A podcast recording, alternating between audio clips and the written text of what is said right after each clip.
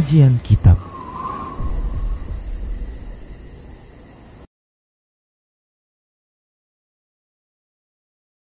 Assalamualaikum warahmatullahi wabarakatuh. Innal hamdalillah nahmaduhu wa nasta'inuhu wa nastaghfiruh wa na'udzu billahi min shururi anfusina wa sayyiati a'malina. Man yahdihillah fahuwal muhtad wa man yudlil falan tajida lahu waliyan mursyida Asyhadu an la ilaha illallah wahdahu la syarika lah wa asyhadu anna Muhammadan abduhu wa rasuluhu alladzi la nabiyya ba'dah. Wa qala Allah subhanahu wa ta'ala Ya ayyuhalladzina amanu taqullaha haqqa tuqatih wa la tamutunna illa wa antum muslimun. Ya ayyuhalladzina amanu taqullaha wa qulu qawlan sadida. يصلح لكم أعمالكم ويغفر لكم ذنوبكم ومن يطع الله ورسوله فقد فاز فوزا عظيما يا أيها الناس اتقوا ربكم الذي خلقكم من نفس واحدة وخلق منها زوجها وبث منهما رجالا كثيرا ونساء واتقوا الله الذي تساءلون به والأرحام إن الله كان عليكم رقيبا. أما بعد نستقى الحديث كتاب الله وخير الهدي هدي محمد صلى الله عليه وسلم وشر الأمور محدثاتها وكل محدثة بدعة وكل بدعة ضلالة وكل ضلالة في النار. معاشر الإخوة والأخوات a'azani Allah wa iyyakum. Allah Subhanahu wa taala firman Ya ayuhan nasu ubudu rabbakumul ladzi khalaqakum walladzina min qablikum la'allakum tattaqun Wahai manusia-manusia sembahlah Tuhan kalian yang telah menciptakan kalian dan yang telah menciptakan orang-orang sebelum kalian agar kalian bertakwa. Penyembahan kepada Allah Subhanahu wa taala, peribadatan kepada Allah Subhanahu wa taala target utamanya adalah takwa. Allah juga menyebutkan wa ma khalaqtul jinna wal insa illa liya'budun. Tidak aku ciptakan jin dan manusia kecuali hanya untuk beribadah kepadaku untuk menghambakan dirinya kepadaku untuk menyembah aku semata. Dari awal Allah Subhanahu wa taala menciptakan manusia dan jin tujuan dan target utama daripada penyembahan tersebut adalah takwa. Oleh karena itu ibadah-ibadah yang Allah Subhanahu wa taala wajibkan kepada kita targetnya juga takwa Ya ayyuhalladzina amanu kutiba alaikumus syiyam kama kutiba alal ladzina min qablikum la'allakum tattaqun. Wahai orang-orang yang beriman diwajibkan kepada kalian berpuasa sebagaimana diwajibkan kepada umat sebelum kalian. La'allakum tattaqun. Agar kalian bertakwa. Ikhwatifiddin di surah Al-Baqarah ayat 21 yang pertama kita baca tadi, Allah menyuruh seluruh umat manusia untuk menghambakan diri kepadanya agar bertakwa. Kemudian dalam surah Ad-Dariyat di ayat yang kedua yang kita bacakan, Ad-Dariyat 56, Allah menciptakan manusia ya untuk mengimah menghambakan dirinya kepada kepada Allah. Kemudian Al-Baqarah 185 Allah memerintahkan kita untuk berpuasa agar kita bertakwa. Jadi target daripada pelaksanaan ibadah penghambaan diri kepada Allah yaitu untuk bertakwa. Apabila seorang hamba beribadah namun tak membuat dirinya bertakwa, tandanya ibadahnya tak diterima. Allah Subhanahu wa taala firman dalam soal Maidah 27 Innama yataqabbalullahu minal muttaqin. Sesungguhnya Allah hanya menerima ibadah menerima kebaikan dari orang-orang yang bertakwa saja. Kata-kata innama yataqabbalullah.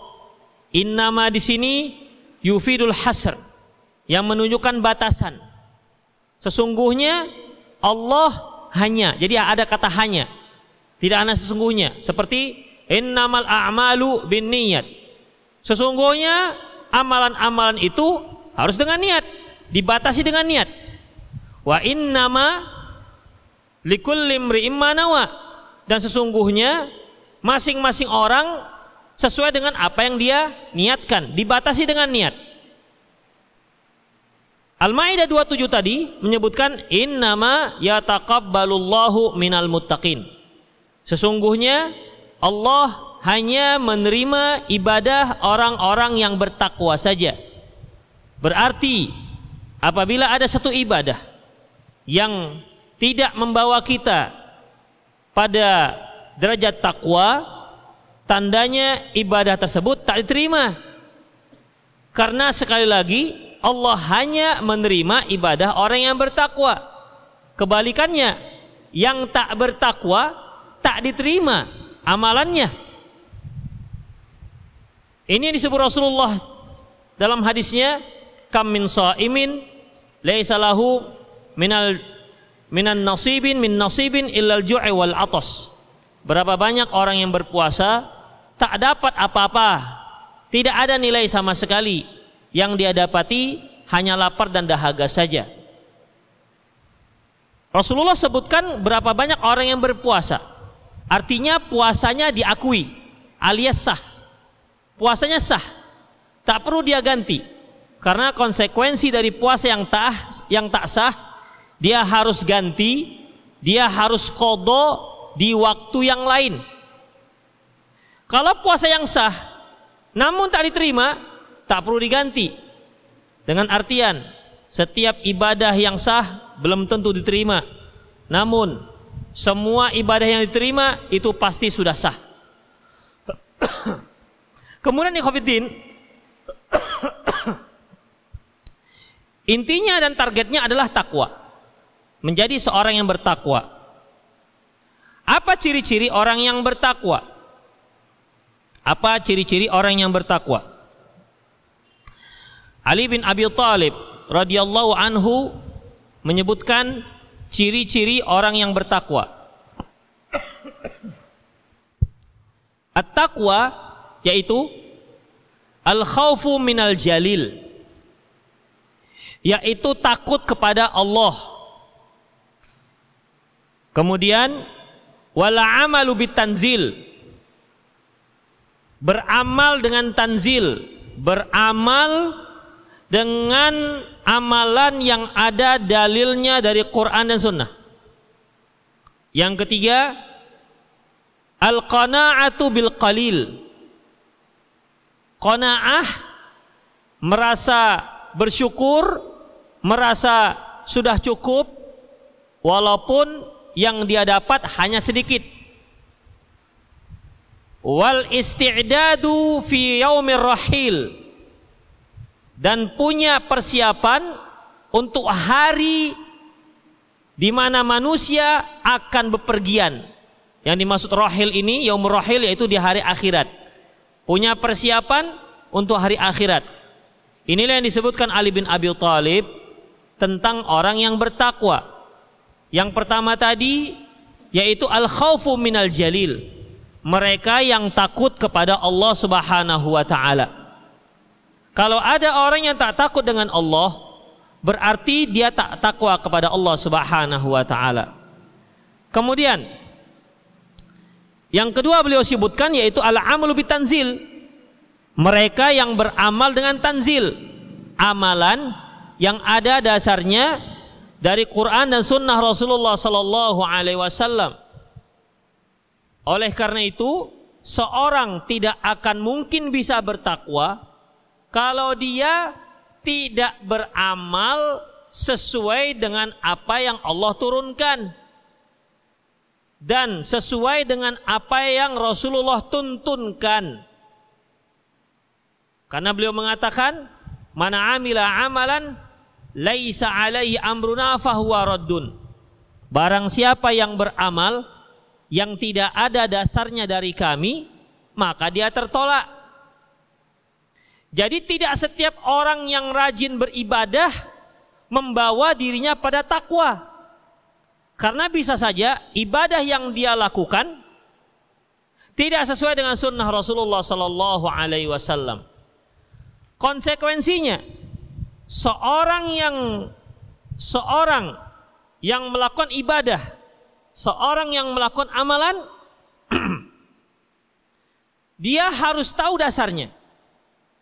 Dan untuk mengetahui dasar itu, tidak ada cara lain selain dia harus belajar dan menuntut ilmu. Berarti seorang yang tidak menuntut ilmu syar'i tidak akan mungkin dia menjadi orang yang bertakwa.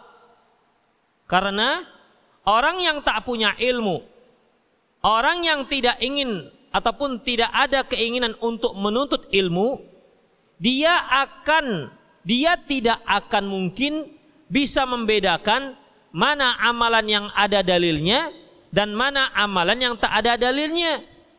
Berarti dasar orang jika ingin asal ataupun dasar seseorang jika dia ingin bertakwa yang pertama dia harus rajin menuntut ilmu.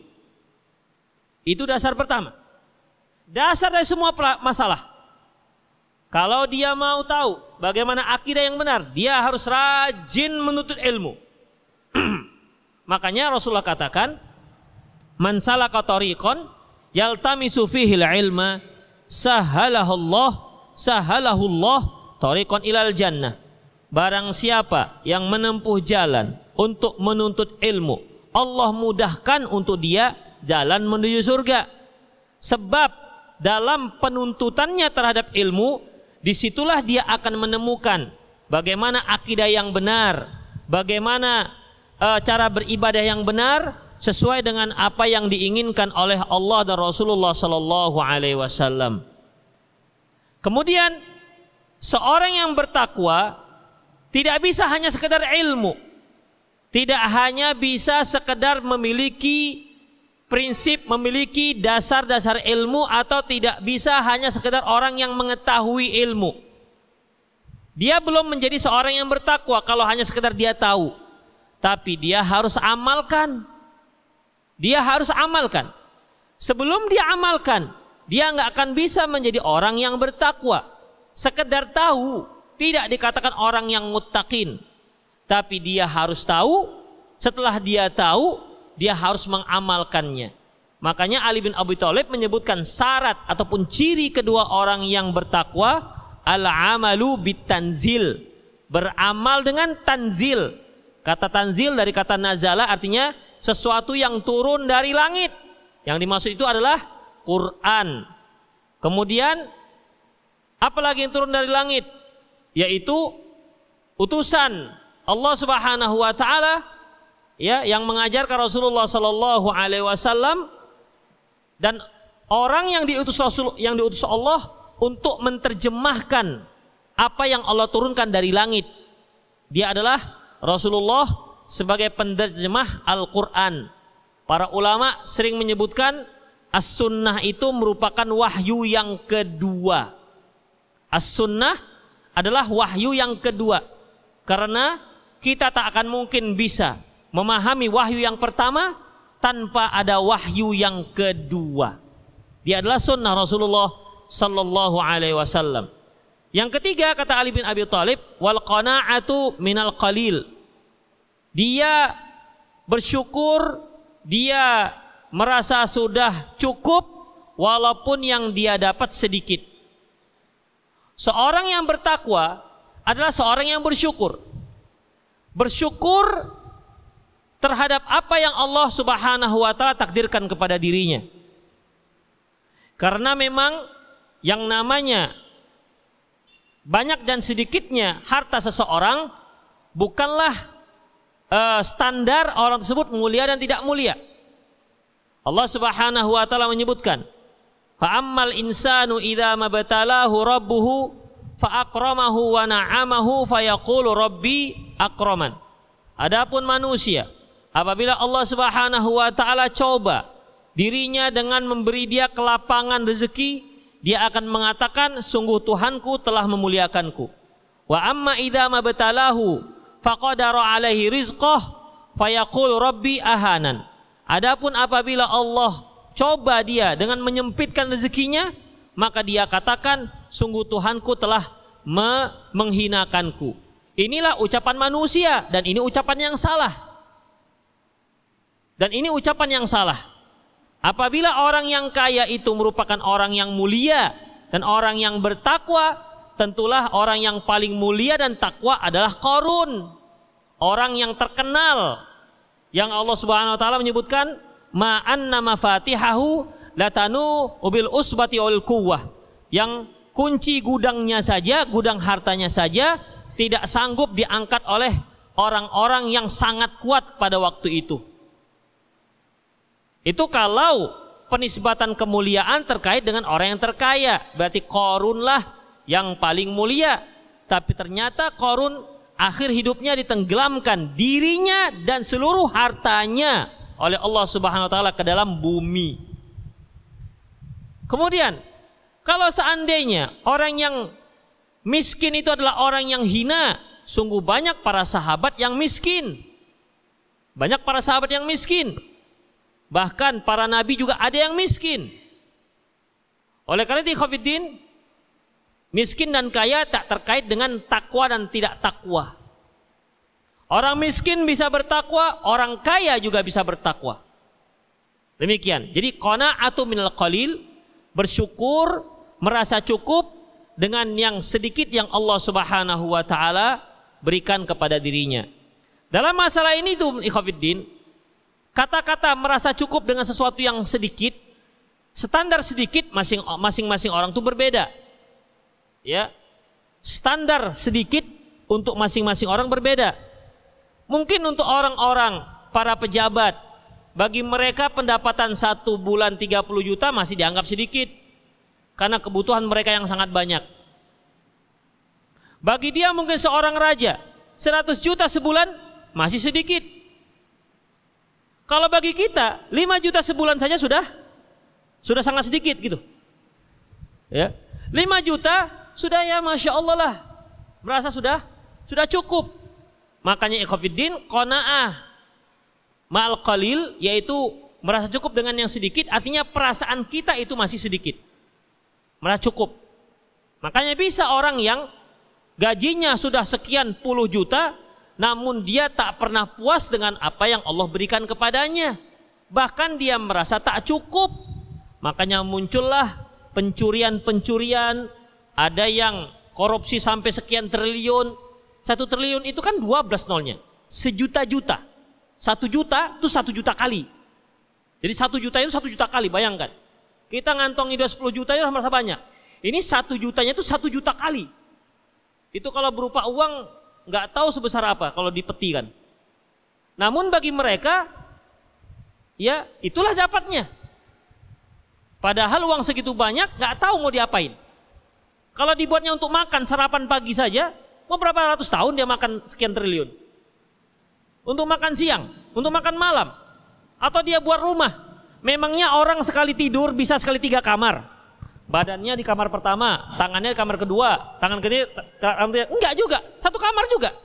Toh juga satu divan, toh juga satu kasur. Demikian, tapi yang namanya selera manusia, keinginan manusia itu memang tanpa batas. Makanya Rasulullah katakan, "Laukana lebini Adam wadiyani minadz dhahab la ahabba ayyakuna wadiyan thalithan." Seandainya seorang anak Adam punya lembah, punya dua lembah yang isinya penuh dengan emas. Ingat, lembah bukan ember. Bukan ember. Satu ember saja kita punya emas satu ember. Gak usah ember yang besar tuh untuk ngeredam kain. Ember-ember untuk ngecor itu aja. Mana emas murni atau ember? Itu sudah banyak sekali Khafidin. Ini bukan ember, tapi lembah. Ya, lembah. bukan parit. Parit kecil, lembah itu tidak ada yang membayangkan lembah itu kecuali dia lebar. Itu namanya lembah. Mekah itu lembah. Makanya dikatakan bilwadi, lembah. Kenapa? Dia diapit oleh gunung.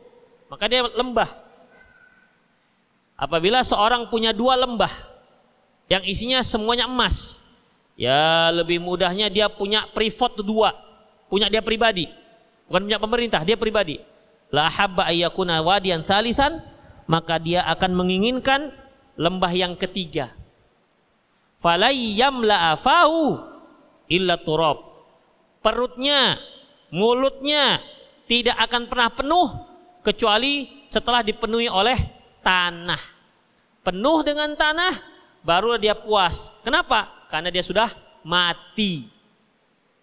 Oleh karena itu Khofiddin, seberapapun yang kita dapatin harus yang kita dapati penghasilan kita harus kona'ah.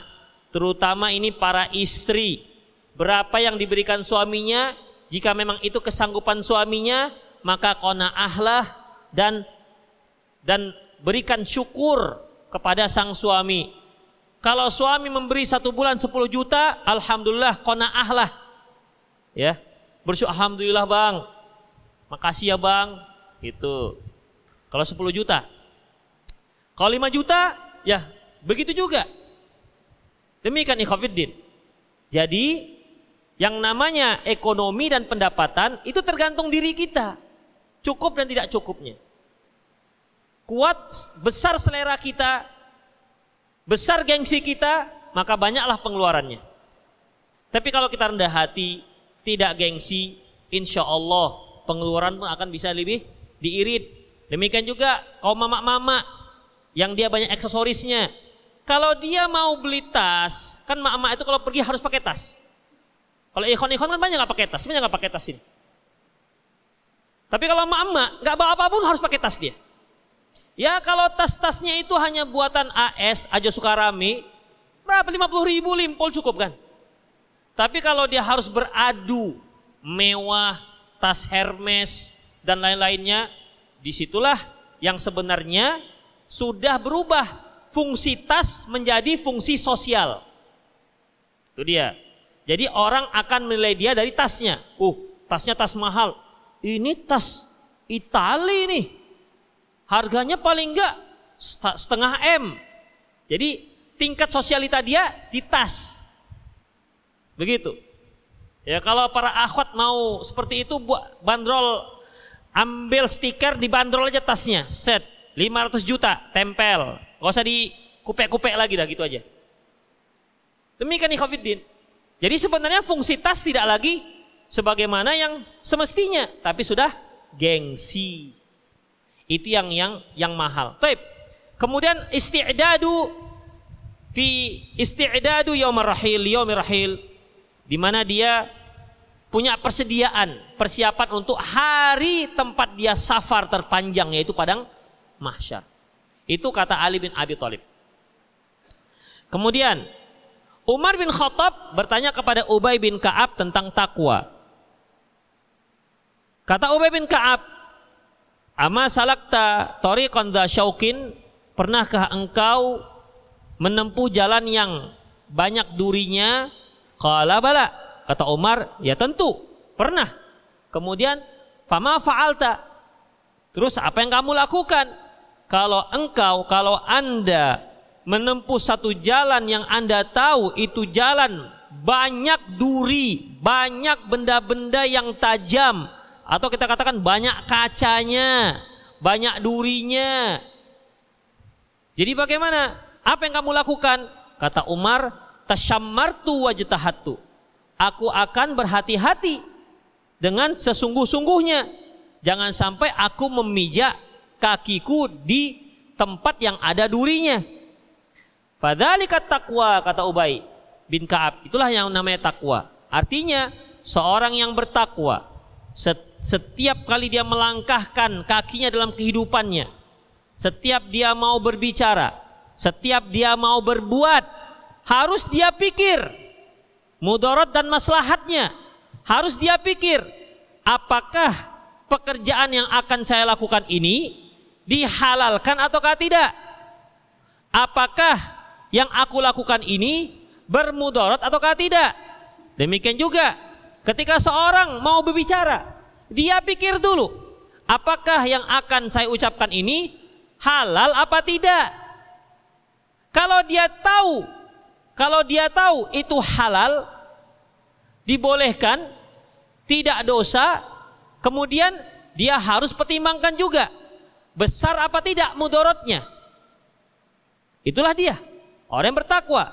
Sebab kalau dia lakukan juga tanpa pertimbangan itu dan ternyata apa yang diucapkannya itu diharamkan oleh syariat, apa yang dilakukan itu diharamkan oleh syariat, maka ibaratnya dia sedang meletakkan kakinya di atas duri-duri yang pasti akan menyakitkan kakinya sendiri. Yang pasti akan merobek kakinya sendiri. Yang pasti akan menumpahkan darahnya sendiri yang pasti akan menyakitkan dirinya sendiri. Makanya setiap perkara yang diharamkan oleh Allah itu berarti perkara tersebut akan bermudorot. Jadi dalam masalah ini setiap orang yang bertakwa sebelum dia bicara dia harus punya pertimbangan apakah perkara ini halal apa tidak, boleh apa tidak. Demikian juga setiap dia berbuat bukan hanya ibadah, semua perbuatan kita. Ya, semua perbuatan kita. Setiap perbuatan yang akan kita lakukan, mungkin gerakan mata, mungkin gerakan hidung, atau mungkin apa yang kita dengar. Apa yang mau kita dengar, itu semua harus kita pertimbangkan apakah boleh, apakah tidak menurut syariat. Bahkan ikhwatifiddin, kalaupun dia nggak tahu ini boleh apa tidak ya, Dikatakan boleh sepertinya boleh. Tapi dikatakan tidak sepertinya juga dilarang oleh syariat. Untuk masalah yang syubhat seperti ini, masalah yang samar, tidak jelas apakah hal haram, Rasulullah memberikan kepada kita sikap innal halala bayyinun wa innal harama bayyinun wa bainahuma umur mustabihat. Sesungguhnya yang halal itu jelas dan sesungguhnya yang haram itu jelas. Dan di antara yang jelas-jelas itu ada perkara yang mustabihat perkara yang tak jelas. La ya'rifu katsirum minan nas, gak banyak orang yang tahu. Lantas bagaimana? Rasulullah sebutkan, "Famanittaqa 'anis syubhati faqad istabra'a an irdihi wa, wa an dinihi wa dinihi." Barang siapa yang menjauhkan dirinya dari perkara yang gak jelas, ini halal apa haram ya? Udahlah, tinggalkan saja. Itu namanya sikap seorang bertakwa. Ya. Barang siapa yang dia meninggalkan perkara yang nggak jelas berarti dia telah menyelamatkan kehormatannya dan agamanya. Begitu ikhwatiddin rahimani Allah wa iyyakum. Itulah sikap orang yang yang bertakwa, yaitu seperti orang yang sedang berjalan di tempat ataupun di jalan yang penuh duri. Berarti dari definisi Ubay bin Ka'ab ini, orang yang bertakwa juga harus punya ilmu. Dia harus membedakan mana yang duri dan mana yang benang.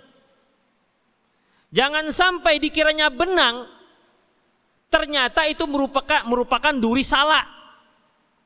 Dia pijakkan tuh benang, ternyata itu adalah duri yang akhirnya menusuk kakinya. Jadi dia harus bisa bedakan mana perkara yang menyakitkan dirinya, yang bisa melukai dirinya dan mana yang tidak.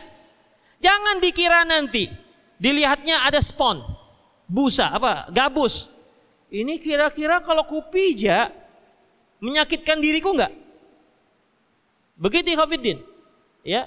Jadi dia harus tahu kalau yang ini, spon ini dipijak tak ada masalah. Udah? Dipijak tak ada masalah. Baik. Spon ini menyerap air. Dia tahu ini spon basah atau tilam basah. Dia mau jalan di situ, sementara dia pakai sepatu-sepatu kulit yang lekang kalau kena air. Dia harus punya timbangan. Jadi ketika matanya melihat benda itu langsung komputer jalan. Titit, titit, titit, titit. Jangan pijak karena sepatumu lekang. Jadi komputernya harus jalan. Makanya dia nggak letakkan kakinya di tempat spon tersebut. Begitu karena dia tahu apa yang dia pakai kualitas buruk. Kalau terkena air lekang. Itulah orang yang bertakwa ikhwatiddin. Dia harus pertimbangkan masalah dan mudaratnya. Gak bisa dia main tutup mata, bonek, bocah nekat. Ya. Yang penting takbir, enggak bisa. Ya. Kalau sudah ada yang takbir, jalan, sikat, enggak. Tetap pertimbangan maslahat dan mudarat. Karena bagaimanapun kita punya akal, setiap apa yang kita lakukan pasti ada terfikir. Kita dari rumah, dari rumah seorang pedagang misalnya, tadi jam-jam 3 mulai terfikir, saya ikut ngaji apa tidak? Begitu kan? Udah, oh saya ikut ngaji. Begitu mau pergi ngaji, ditelepon ada order dagangan rupanya. Ini saya mau pesan sekian-sekian pak. Kalkulasi harganya 5 juta. Jadi dia pilih, saya mau selesaikan transaksi 5 juta atau saya pergi ngaji. Kalau saya pergi ngaji, nggak bisa transaksi. Kalau saya transaksi, nggak bisa pergi ngaji. Kan harus pikir. Komputernya lah, tek tek tek tek tek tek tek. Udahlah, dagang aja. Ngaji masih bisa Sabtu depan. Begitu. Tapi bagi orang yang sudah punya stok, mungkin dia ah apa-apa besok masih ada. Jadi masing-masing orang punya pertimbangan. Ya punya pertimbangan. Oleh karena itu orang yang bertakwa itu harus cerdas. Ya. Orang yang bertakwa harus cerdas. Orang yang hijrah juga harus cerdas. Gak bisa dia main ribak sude. Main sikat sana sikat sini gak bisa. Dia harus cerdas. Bagaimana cara dia kalau dia seorang suami sudah berhijrah. Sementara istrinya belum dia harus cerdas bagaimana mensikapi sang istri. Kalau sang istri sudah berhijrah, suami belum, dia harus punya apa namanya bersikap cerdas bagaimana cara apa namanya hijrah ini agar membuat yang lain nyaman dan ikut. Oleh karena itu seorang yang bertakwa dia harus cerdas. Ya, tidak boleh modal nekat. Seorang akhwat lagi menggebu-gebu ngajinya, Begitu ngaji hari ini besok udah pakai cadar dia. Dari kamarnya langsung buka pakai cadar. Begitu buka pintu kamar terkejut orang tuanya lompat. Eh siapa ini? Karena baru kali itu dia pakai cadar. Itu pun mulainya dari dari rumah. Demikian. Apakah nyaman? Apakah bagaimana besar mudarat? Apakah tidak? Bisa saja orang tua katakan, apa yang kau lakukan ini? Mau ngaji pak? Gak usah kau ngaji. Kan bisa dilarang akhirnya mudarat lebih besar. Demikian. Sekali lagi Khofiddin, seorang yang bertakwa itu harus cerdas. Seorang yang berhijrah harus cerdas sehingga dia bisa melakukan hal-hal yang memang ada syariatnya. Banyak orang yang berhijrah tapi masih main musik. Udah pakai gamis seperti ini, jenggot pakai serban, kemudian apa? Nyanyi musik pop, musik rock. Itu salah hijrah namanya ikhwafiddin. Karena orang bertakwa itu harus punya ilmu, nggak bisa enggak. Harus punya ilmu. Demikian. Nggak punya ilmu, nggak bisa dia menjadi orang yang bertakwa. Itulah ikhwafiddin rahimani Allah wa iyyakum. Taib. Kemudian Allah menyebutkan dalam Al-Quran tentang orang yang bertakwa. Ini sifat ya.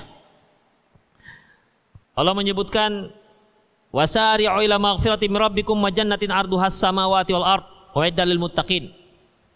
Bersegeralah kalian untuk mendapatkan keampunan Tuhan kalian dari Tuhan kalian dan surga yang luasnya seluas langit dan bumi. Nanti cari suratnya dan ayatnya. Uiddat lil muttaqin yang disediakan untuk orang-orang yang bertakwa. Siapa itu? Alladzina yunfiquna fis sarra wad mereka yang menafkahkan hartanya baik dalam keadaan lapang maupun dalam keadaan sempit. Itu orang bertakwa. Kalau dia hanya berinfak dalam keadaan lapang ekonominya, kalau dalam keadaan sempit tidak, itu belum dikatakan bertakwa.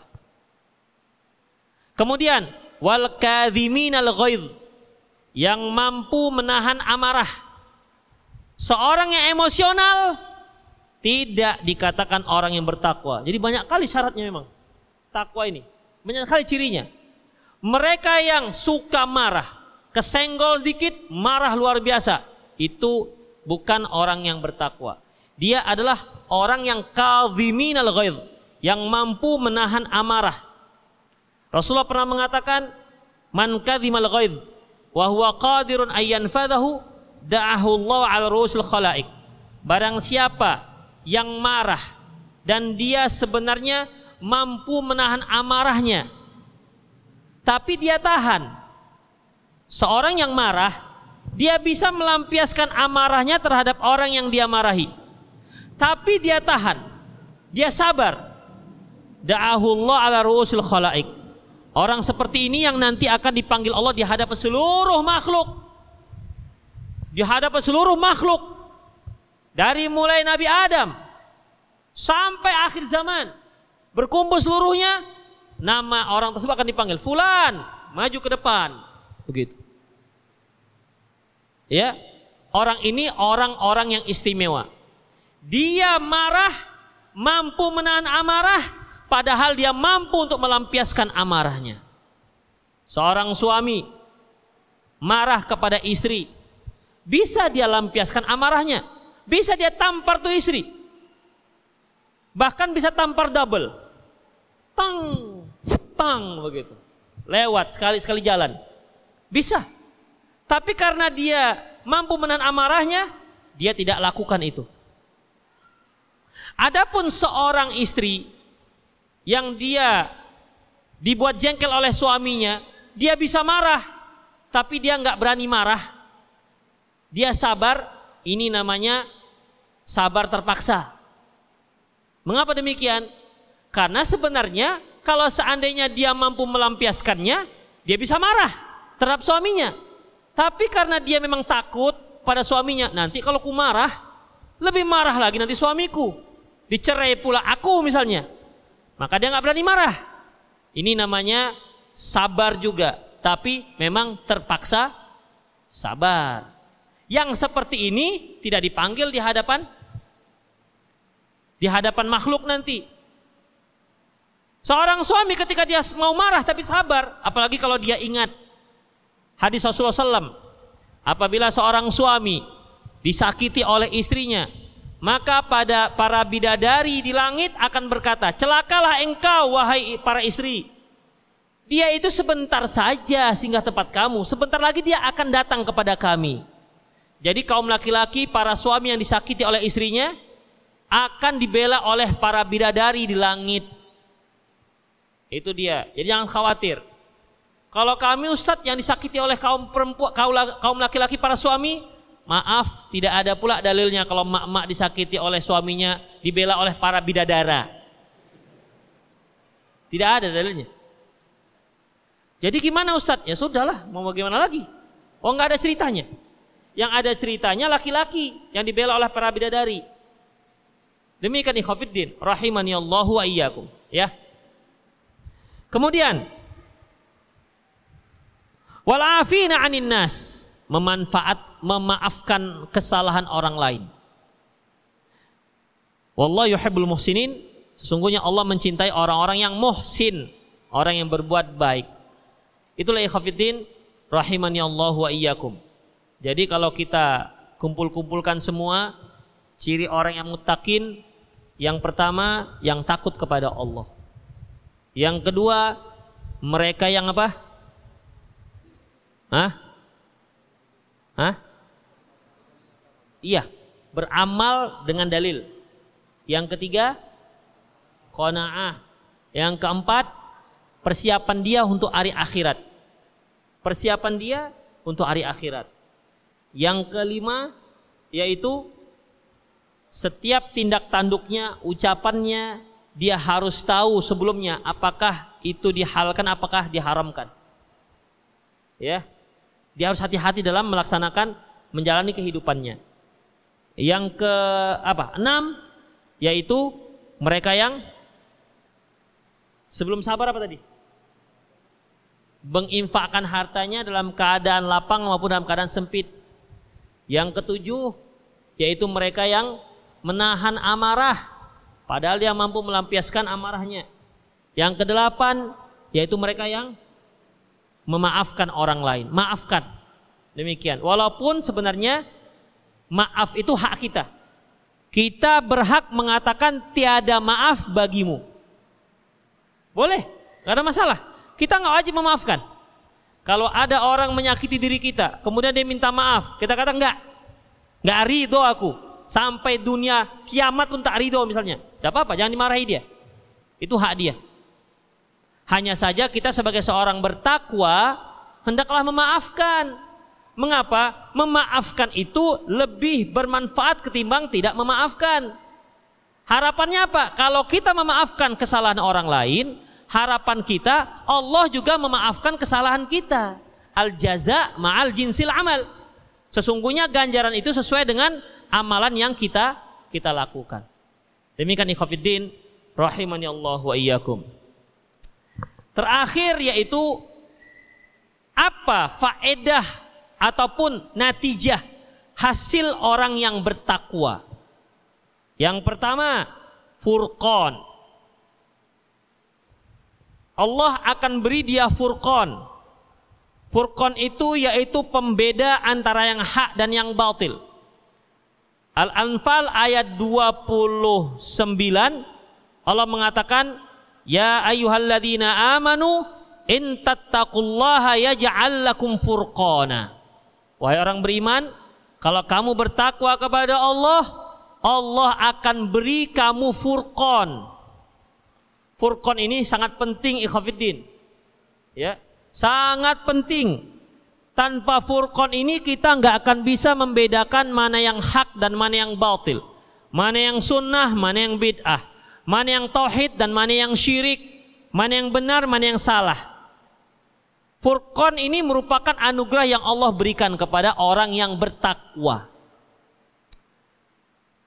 Yang kedua, yaitu Allah akan beri dia solusi jalan keluar setiap masalah yang menimpa dirinya. Disebutkan dalam surat Talak Wa may yattaqillah. Barang siapa yang bertakwa kepada Allah ya ja'ah wa may yattaqillah barang siapa yang bertakwa kepada Allah ya ja'allahu makhraja. Allah akan beri dia jalan keluar dari setiap masalah. Surat Tolak ayat 2. Kemudian orang yang bertakwa akan diberi rezeki dari arah yang tak dia duga-duga wa yarzuquhu min haitsu la yahtasib. Allah akan beri dia rezeki dari arah yang tidak dia duga-duga. Jadi seorang yang bertakwa, sebagaimana yang kita katakan tadi, yang terpenting bagi dia adalah akhiratnya. Makanya kalau ada yang berfilosofi, kita harus balancing antara dunia dan akhirat, gak akan bisa Orang yang mau menyeimbangkan antara dunia dan akhirat adalah orang yang salah. Tidak bisa dunia seimbang dengan akhirat. Tidak bisa. Tetap akhirat lebih baik.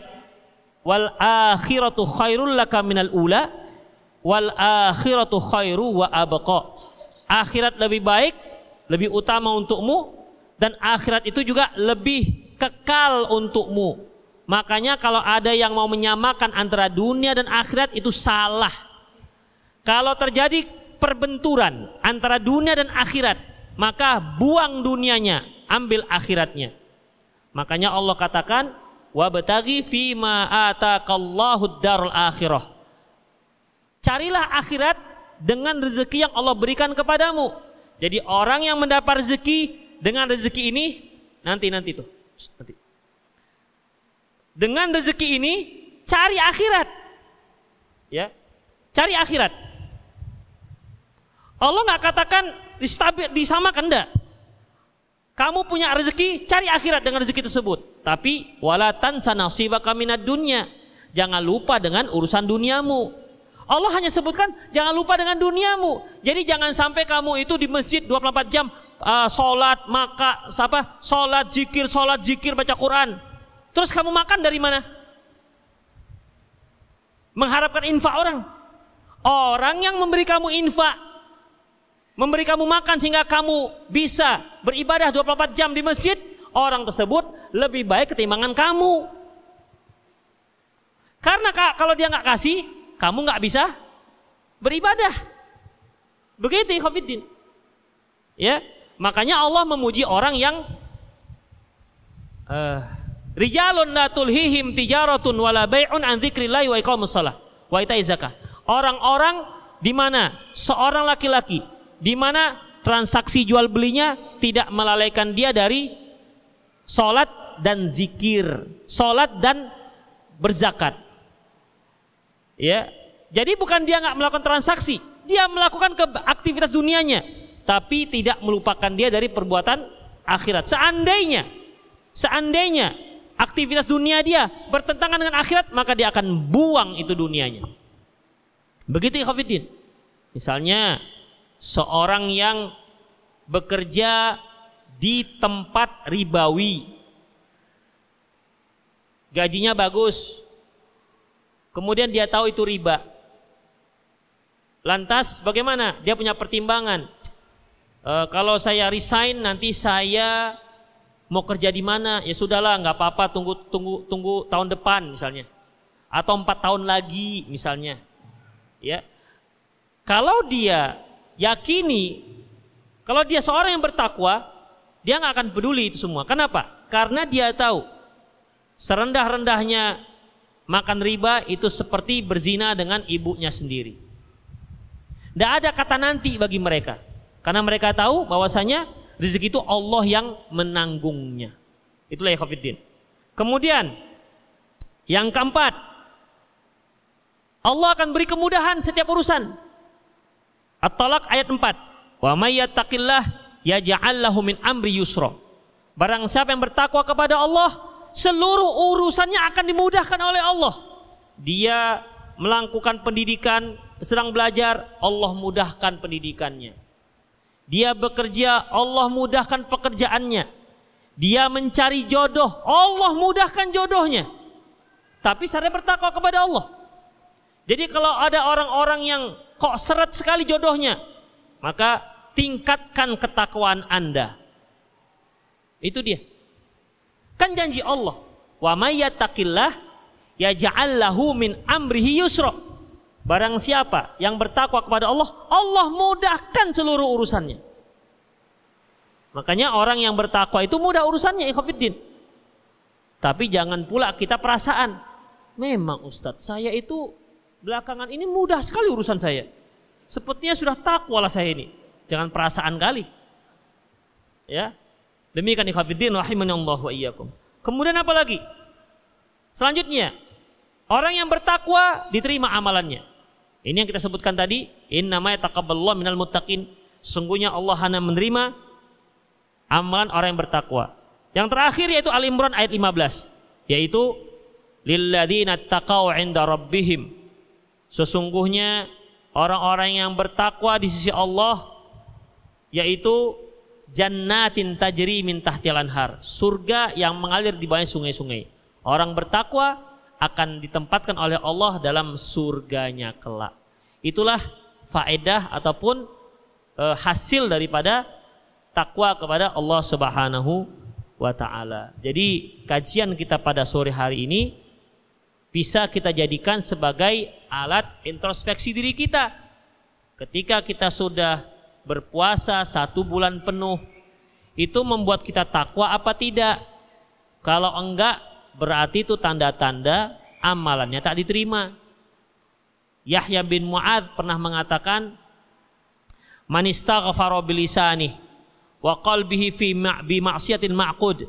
Barang siapa yang beristighfar, mohon ampun kepada Allah hanya dengan lisannya, sementara hatinya masih ada ingin untuk bermaksiat wa azmuhu alal ma'siyati ba'da syahri wa ya'ud dan dia punya keinginan setelah sebulan selesai nanti dia akan kembali kepada balik kepada maksiat yang dia tinggalkan sebelum Ramadan.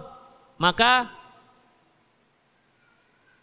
maka wa fasiyamuhu alai mardud. Maka puasanya tertolak. Wa babul makbul ala wajhihi masdud. Dan pintu penerimaan amalan tertutup untuk dirinya. Misalnya ini sebelum Ramadan dia punya pacar, Dek. Besok Ramadan, Dek. Kita cut lah ya semua komunikasi ya. Iyalah Bang, kita supaya fokus ibadah ya Bang. Ya. Jadi kapan lagi kita sambung connect Bang? Nantilah satu Syawal. Ah tuh. Tuh, itu tanda tuh. Karena dia mak kalau seandainya dia tahu pacaran itu boleh, kenapa dia dia hentikan ketika Ramadan? Tanya kan dia tahu nggak boleh. Tapi kalau dia mau sambung lagi setelah Ramadan, itu berarti tanda tidak mendapat takwa. Kecuali kalau habis Ramadan, insya Allah kita sambung lagi deh ya. Di bulan Syawal di depan Tuan Kadi, kulamar engkau dengan Bismillah. Ah, itu baru takwa. Nah, itu baru orang takwa namanya. Dia nggak mau melakukan aktivitas yang diharamkan. Dia ingin menjadi mendapatkan setengah agama. Itu dia ikhwatiddin. Sebelum Ramadan ada saja yang di yang ditontonnya. Mau di YouTube, mau di apa? Ramadan cut semua. Enggak, fokus qiyamul puasa. Malam takbiran balik lagi. Beli kuota lebih banyak. Cari yang banyak paket.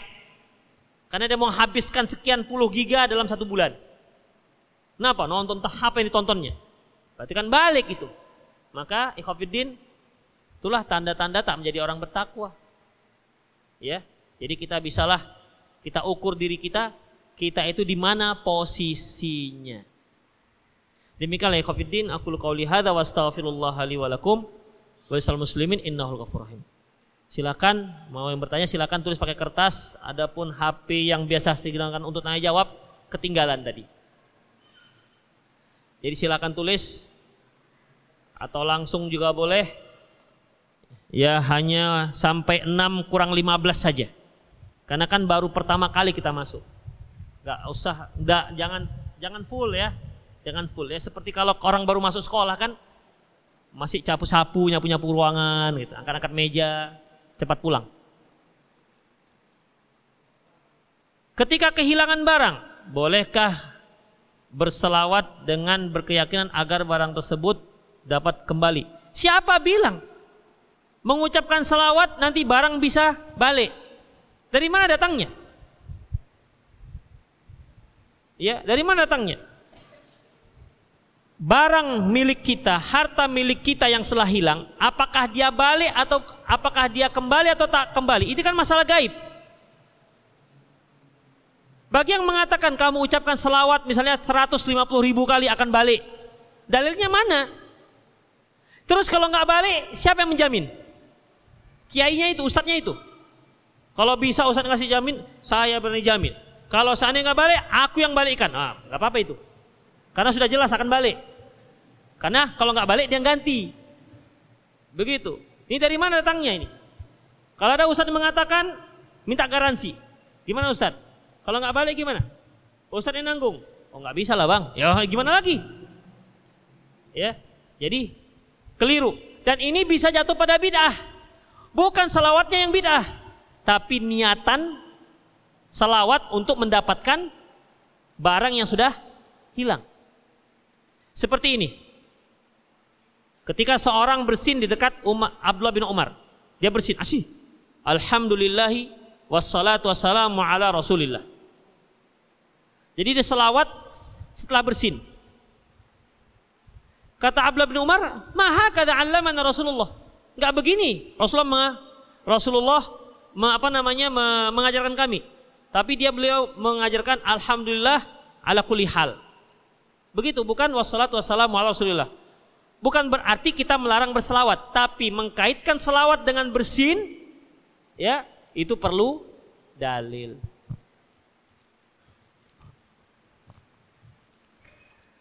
Hukum menggunakan kendaraan hasil riba untuk ibadah dan bekerja. Kalau yang pelakunya nggak boleh, misalnya dia pegawai bank, dia nggak boleh menggunakannya, nggak boleh. Tapi kalau kendaraannya itu dihadiahkannya kepada adiknya, adiknya boleh. Karena Rasulullah katakan, la'anallah akilur riba wa mukiluha syahiduha wa katibuha wa syahiduha. Allah melaknat orang yang memberi riba yang memberi riba, kemudian juga yang mengambil riba, mencatatnya, saksinya, semuanya sama. Terlanat. Adapun orang lain, misalnya si A berhutang dengan si B 100 ribu, pulangnya 150 ribu. 50 ribu ini nggak boleh dipakai oleh si A. Si B juga nggak boleh memberikan lebih seperti itu. Tapi kalau si C, ini aku kasih kamu duit 50 ribu, tapi ini uang riba tadi yang dikasih si, si B, silakan si C boleh pakai. Karena dia nggak termasuk dalam aktivitas riba, dia mendapatkan uang tersebut. Boleh, tak ada masalah. Tapi yang bagi yang aktivitis, aktivisnya nggak dibolehkan.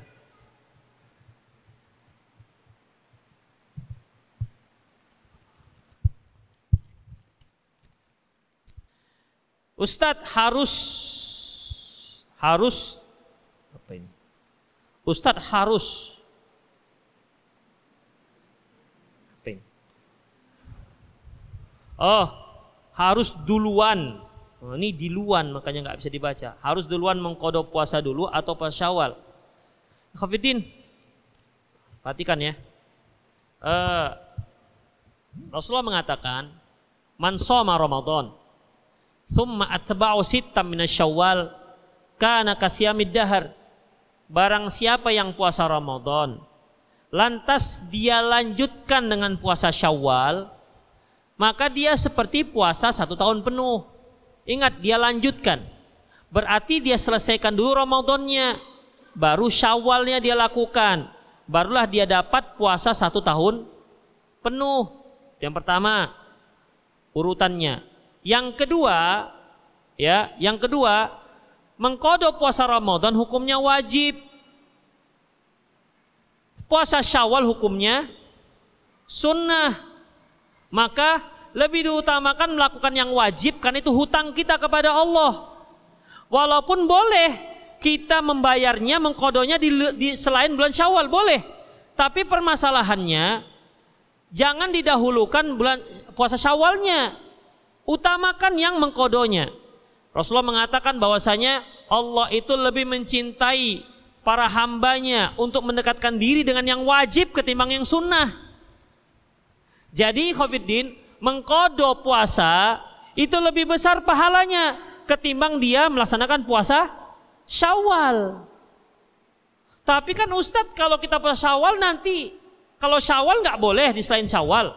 Sementara mengkode boleh di sampai bulan Syaban. Oleh betul, tapi permasalahannya siapa yang yang menjamin Anda sampai usianya di bulan Syaban? Ada? Ini hutang. Hutang kita kepada Allah. Maka hutang dulu yang harus diselesaikan.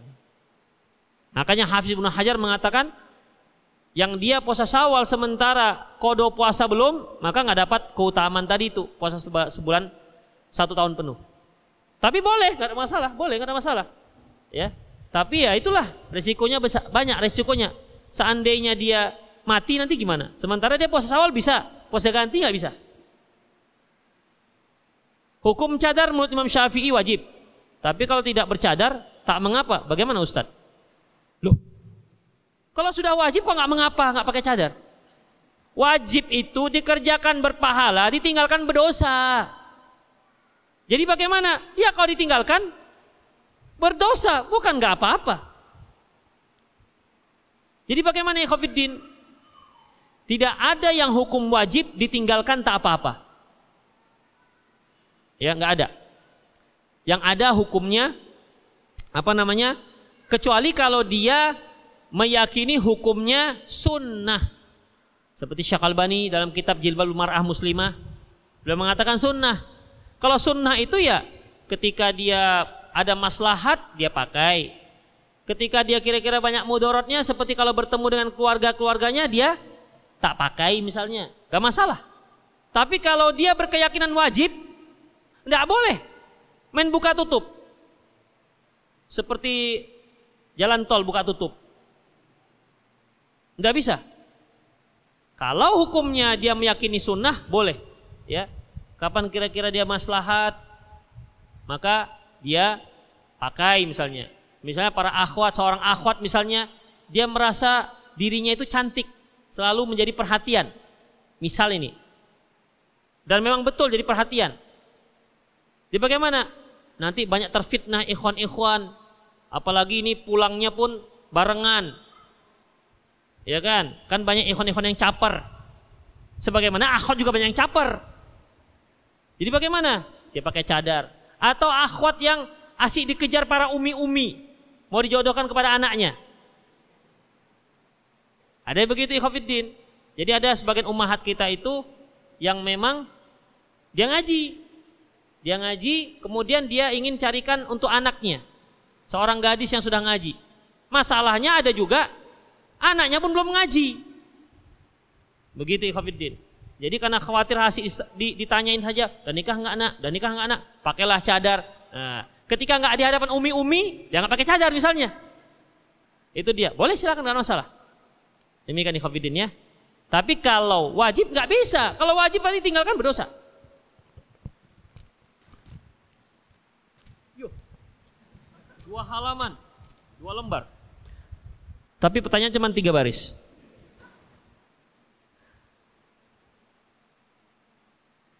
Apakah di Medan ada mahat yang kriteria umumnya tidak ada batasannya?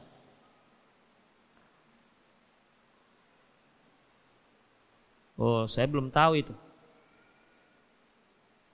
Kalau ma'had. Allahu alam. Maksudnya tak pakai umur, boleh masuk umur 60 juga boleh gitu. Gitu maksudnya. Biasanya tetap ada batasan. Biasanya sih. Kalau mau masuk jangan ma'had. Seperti misalnya adanya kajian-kajian tahsin bahasa Arab dibuat sekelompok orang gitu ikhwan kita itu masuk situ. Anda berusia 60 tahun juga masuk boleh situ. 90 tahun juga masuk. Ustadz Anda baru hijrah ke manhaj salaf. Ada seorang ikhwan yang melamar Ana. Berarti dia akhwat ini. Ada seorang ikhwan yang melamar Ana, tapi beliau tidak bermanhaj salaf. Apa yang harus Ana lakukan? Apakah Ana harus menerima lamaran itu? Ini kan pertanyaannya sepertinya dia suka ini. Iya kan? Ya dia pasti ada sukanya. Kalau orang yang nggak ada suka sama sekali, dia nggak akan nanya ini, udah tahu jawabannya. Iya kan? Pasti dia tahu jawabannya, nggak bertanya-tanyanya. Ini dapat minta dukungan dari ustadz ini nampaknya. Perhatikan nih Khofiddin. Kalau kita bicara masalah dan sah dan tidak sahnya, boleh seorang muslimah menikah dengan seorang yang beraliran ya sufi misalnya selama masih dalam lingkungan Islam sah akadnya kalau dia terima. Tapi kan permasalahannya di sini adalah dia sedang menerima seorang pemimpin. Mau dibawa ke mana dia? Apakah dia akan dibawa kepada kebidahan? Ataukah dia dibawa ke dalam sunnah Rasulullah SAW itu harus pertimbangkan. Secara hukum sah. Nggak ada masalah. Selama laki-lakinya masih muslim. Sah. Tetapi kan dalam menikah tidak sekedar sah dan tidak sah. Tapi di sana ada satu tujuan yaitu tugas seorang suami satu ada tugas yang paling berat yaitu ku anfusakum wa alikum naro Selamatkan dirimu dan keluargamu dari api neraka. Ini yang terpenting. Sanggupkah dia menyelamatkan diri akhwat tersebut dari neraka ataukah tidak? Itu yang terpenting. Bukan masalah pekerjaan. Kalau sekedar bisa memenuhi kebutuhan sandang pangan dan papan, ayam lebih piawai. Orang kafir lebih piawai. Mereka bisa bekerja dari gelap pulangnya gelap. Kita kan nggak bisa, kita ada sholatnya, ada sholat subuhnya, macam-macam. Mereka kan nggak. Tapi yang terpenting bukan itu, ikhwafidin, bukan sekedar sandang pangan dan papan, tapi bisa nggak dia menjadi imam, menggandeng tanganmu untuk bersama menuju surganya Allah. Itu yang terpenting. Ya. Jangan nanti ketika diajak, yuk bang, kita sholat ini, oh kau wahabi ya, Jangan Wahabi itu. Wahabi itu kan mengatakan mak Rasulullah masuk neraka. Itu dia. Jadi Khofidin yang begini-begini gimana mau bergandengan tangan? Ya kalau seandainya si akhwat mampu menerima resiko, gak apa-apa Ustaz. Saya akan berdakwah kepada suami saya. Rawi-rawi lantas, malang-malang buntung. Allahu Akbar. Nah, silahkan. Berarti dia mengambil risiko. Silahkan, ada masalah. Ya. Silahkan. Jadi demikian ya.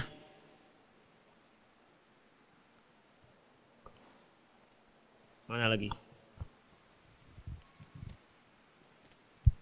Ustadz bagaimana sabar menghadapi istri anak yang sering makan? Oh marah bukan bukan. Marah terhadap anak saya yang masih dua tahun yang lagi lasa dan aktif-aktifnya. Anak sungguhnya tidak ridho. Masya Allah. Bagi seorang ibu, bagi seorang ibu tidak layak dia marah-marah terhadap anaknya yang dua tahun. Apalagi anak laki-laki. Anak laki-laki itu anak yang lasa. Nanti kalau dia nggak lasa, dia menjadi duduk, dia menjadi melamun. Itu nggak beres berarti otaknya dia. Bermasalah itu berarti. Yang anak ya yang sehat ya lasa dia. Dan memang begitu kehidupannya. Yang nggak boleh kalau bapaknya yang lasa, itu baru. Bapaknya lasa, begitu datang naik naik naik pagar, manjat lemari, itu baru nggak boleh. Tapi kalau anak ya begitu.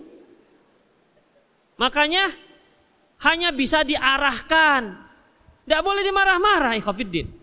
Ya, nggak bisa dimarah-marah, apalagi sampai dipukul. Nah, bagi seorang suami yang nggak ridho seperti itu, ajarkan sang istri. Ya, bantu dia untuk bisa bersabar. Nggak bisa, dek, ini anak kita dua tahun. Udah, jangan kau marah-marah ya. Sempat nanti ku nampak kau marah, ku tendang kau. Nggak begitu. Arahkan dia, dek jangan begitu, begini caranya. Atau kalau memang sulit, kasih dia tahapan. Dek, gimana? Kalau kamu tidak marah-marah tiga hari, abang belikan baju baru. Begitulah, pakailah apa namanya uh, harta yang Allah berikan untuk memperbaiki istri kita. Udah tiga hari, oke. Okay. Dah, nanti seminggu deh ya. Kalau seminggu kamu nggak marah-marah, bisa mengarahkan anak-anak dengan cara yang baik, maka abang belikan emas, anting-anting. Ya, sebanyak 10 gram, tapi imitasi. Ya dia nggak sanggup kalau misal, misal. Demikian ikhwafidin itu caranya. Ya. Jadi ajarkan dia. Terkadang ikhwafidin istri itu dia tidak diajarkan oleh orang tuanya bagaimana cara berkomunikasi. Banyak keluarga muslim itu ketika dia marah sambil lewat. Tahu sambil lewat. Tidak dia didudukkan, duduk nak duduk, duduk, duduk, duduk. Udah, baru nah begini begini begini. Kenapa sih begini? Atau kalau bisa, kalau boleh kita minta maaf duluan. Anak, maaf kalau bapak, kalau ibu ada kesalahan, mohon maaf. Kemudian baru ditanya kenapa begini begini. Dengan anak dua tahun juga boleh Covidin. Ya, bisa, silakan. Demikian. Jadi diarahkan dia. Tapi Ustadz sudah dikasih tahu, sudah dikasih tahu balik lagi. Yang namanya anak-anak. Di situlah pembentukan jiwa dia, ikhofiddin. Kalau dimarah-marah nanti dia menjadi seorang anak pengecut, bisa pengecut. Atau dia bisa lampiaskan kepada yang lain. Demikian ikhofiddinnya. Jadi yang paling besar andilnya di sini adalah suaminya. Bagaimana cara dia mendidik istrinya agar bisa mendidik anaknya dengan cara yang baik. Dudukkan dia. Jangan-jangan suami juga begitu marah-marah istrinya. Sambil pergi, ah kau ini memang masak nggak beres, pergi. Gak seperti itu, dudukkan. Duduk. Misalnya habis isya gitu kan, habis makan. Di abang mau bicara lah, di. Kenapa bang? Sebulan ini masakanmu kok kok ada yang kurang-kurang garam gitu kenapa sih dia ada masalah apa sih begitu Mungkin dia punya undang kotak. Iya bang. Semenjak abang potong uang belanja itulah bang. berarti dari, dari kita masalahnya berarti kan. Demikian ikhwafiddin. Kadang-kadang kita nggak sadari salah itu dari kita. Iya semenjak abang kenalan dengan fulanah itu. Di situlah adik setiap kali mau masak kok gemetar tangannya. Jadi setiap kali memasukkan garam sedikit jadi satu botol gitu kira-kira. Nggak tertakar lagi misalnya begitu. Demikian ikhwafiddin. Jadi ajak ngomong cara yang baik. Ya. Yalah, Covidin semoga bermanfaat. saya terakhir namun sebelumnya uh, oh, ini dulu terakhir. Kalau saya bilang sebelumnya. Hukum ikut perwiritan setiap malam Jumat. Nah. Wirid itu artinya wi kami read membaca. Wirid. Wirid Yasin. Nah, gitu. Kami membaca Yasin. Boleh baca Yasin. Membaca Yasin kapan saja boleh. Tapi kalau dia dikaitkan dengan malam Jumat, nggak boleh. Perlu dalil. Kenapa harus malam Jumat? Demikian. Atau malam Jumat dikaitkan dengan harus baca Yasin. Itu perlu dalil. Kalau enggak dia jatuh pada bid'ah. Bukan baca Yasinnya bid'ah, tapi mengkaitkannya dengan waktu yang tidak ada dalil. Itu dia. Jadi bagaimana? Ya jangan. Atau cara bacanya. Atau cara zikirnya. Demikianlah ikhwatiddin rahimallahu yakum semoga bermanfaat. Aku lu qouli hadza wa muslimin innahul ghafurur rahim. Subhanakallahumma wa bihamdik asyhadu an la ilaha illa anta astaghfiruka wa atubu ilaik. Assalamualaikum warahmatullahi wabarakatuh.